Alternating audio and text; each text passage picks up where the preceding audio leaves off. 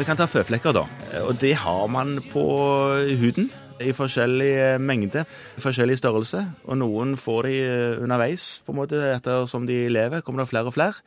Og noen har ingenting, så godt som ingenting. Og dette her er hudens celler som lager fargestoff som er forskjellig fra hudens farge for øvrig. Og så da vises det som en føflekk. Kalles det en føflekk. Og hver gang vi snakker om føflekker, så er det nesten alltid i forbindelse med fare for et eller annet.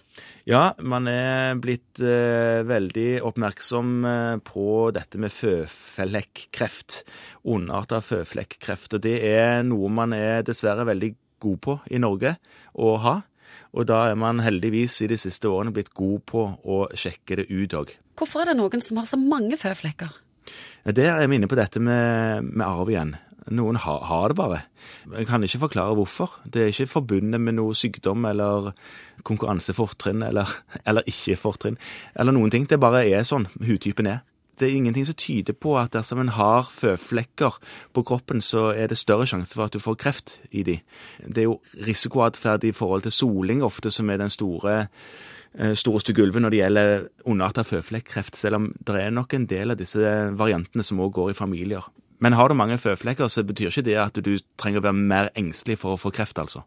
Når skal du være engstelig for å få kreft? Hvis det sitter noen og lytter på nå ja. og begynner å kikke på føflekken sin. Det gjør de garantert. Ja. Iallfall den ene som de har lurt litt på. Det er en god regel da å tenke at er den ny, eller er den ikke ny? Har han, har han, vært der alltid, eller er det noe som kom etter, etter den ferien i, i, forfjor?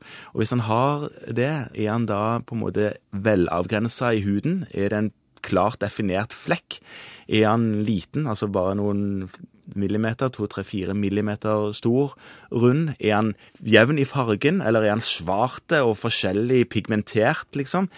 Står han ut i huden, eller ligger han i hudens nivå? Når skal han komme til deg? Jeg tror ikke du skal på en måte ta, ta den avgjørelsen der sjøl. Jeg tror hvis du er usikker, skal du, skal du dra til legen, eller en del apotek har jo òg en sånn føflekkskanner som de kan hjelpe den som lurer på føflekkene sine med denne føflekkreften, denne, dette maligne melanomet, som det heter på fint, det er en skummel kreftform som tar liv, dessverre.